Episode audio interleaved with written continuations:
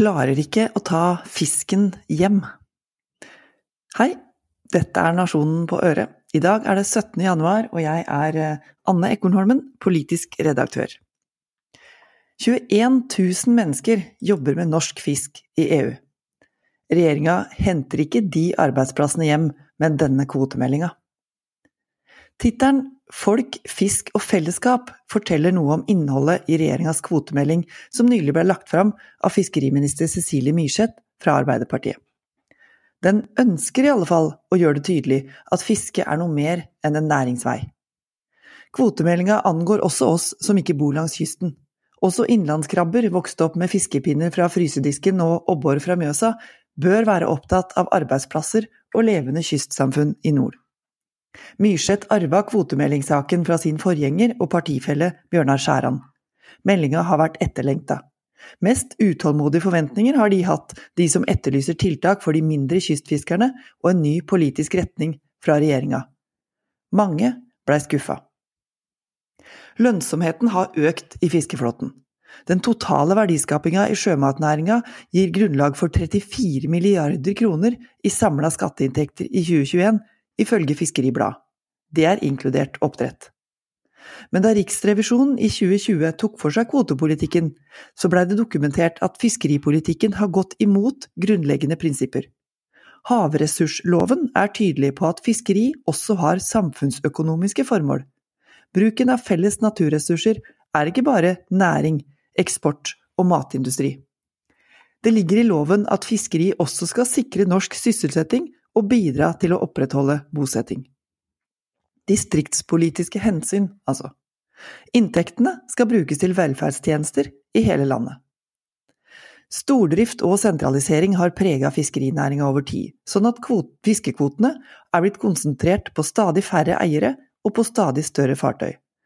Gradvis har lokalsamfunn langs kysten mista hjørnesteinsbedriften med arbeidsplasser og aktivitet knytta til fiskeri.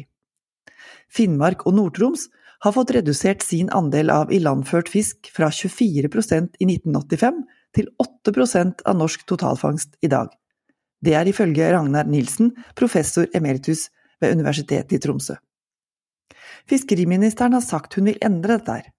I Hurdalsplattformen er Ap- og Sp-regjeringa tydelige. De vil, sitat, ivareta de distriktspolitiske målsettingene i fiskerilovgivningen. Fiskeritillatelsene skal forvaltes på en måte som ikke bidrar til sentralisering, verken innad i regioner eller mellom landsdeler. De skal isteden gi flere helårlige arbeidsplasser i lokalsamfunn langs hele kysten.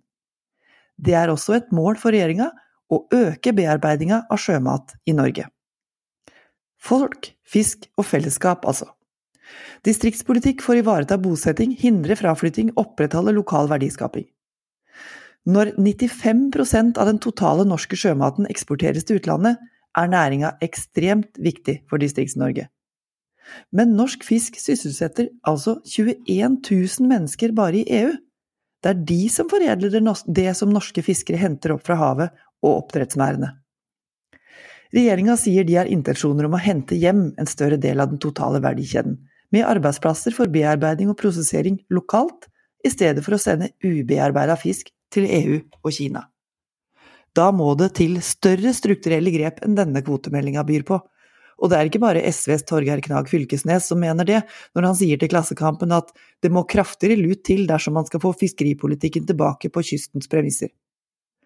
Myrseths kollegaer hos regjeringspartner Senterpartiet, Per Olav Lundteigen og Geir Iversen, etterlyser også bedre politikk for å skape helårlige arbeidsplasser innenfor fiskeri og sikre bosettinga i Nord-Norge spesielt. Å gjeninnføre leveringsplikt til mottak på land i Norge for de store havgående trålerne, det ville vært et viktig grep. Det peker også Vegard Bangsund på, han er nestleder i Kystopprøret og kommunepolitiker for Senterpartiet i Vardø. Meldinga foreslår at noen kvoter tas fra trålerne og overføres til mindre kystfiskerne, og legger eierskapsbegrensninger for kystflåten for å unngå at for mange kvoter samles på få fartøy. Det er en mer rettferdig fordeling av ressursene, sier Myrseth, men innrømmer at det ikke er noen revolusjon. Ingenting ved denne kvotemeldinga vil få fiskeindustriens arbeidsplasser på land tilbake. Til det trengs langt kraftigere grep, mer distriktspolitikk. Myrseth sier at regjeringa vil komme tilbake til hvordan det skal skje. I en ny melding, kanskje? Med ny politikk? Hun kan i alle fall være trygg på at hun kommer til å bli minnet om dette her, ikke bare fra SV i opposisjon, men også av Senterpartipolitikere, med Lundteigen og Iversen i spissen.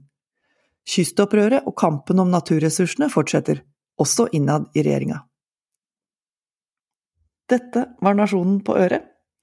Du hører flere kommentarer både fra meg og mine kollegaer på frontenavnasjonen.no, eller der du hører dine andre podkast. Ha en god dag!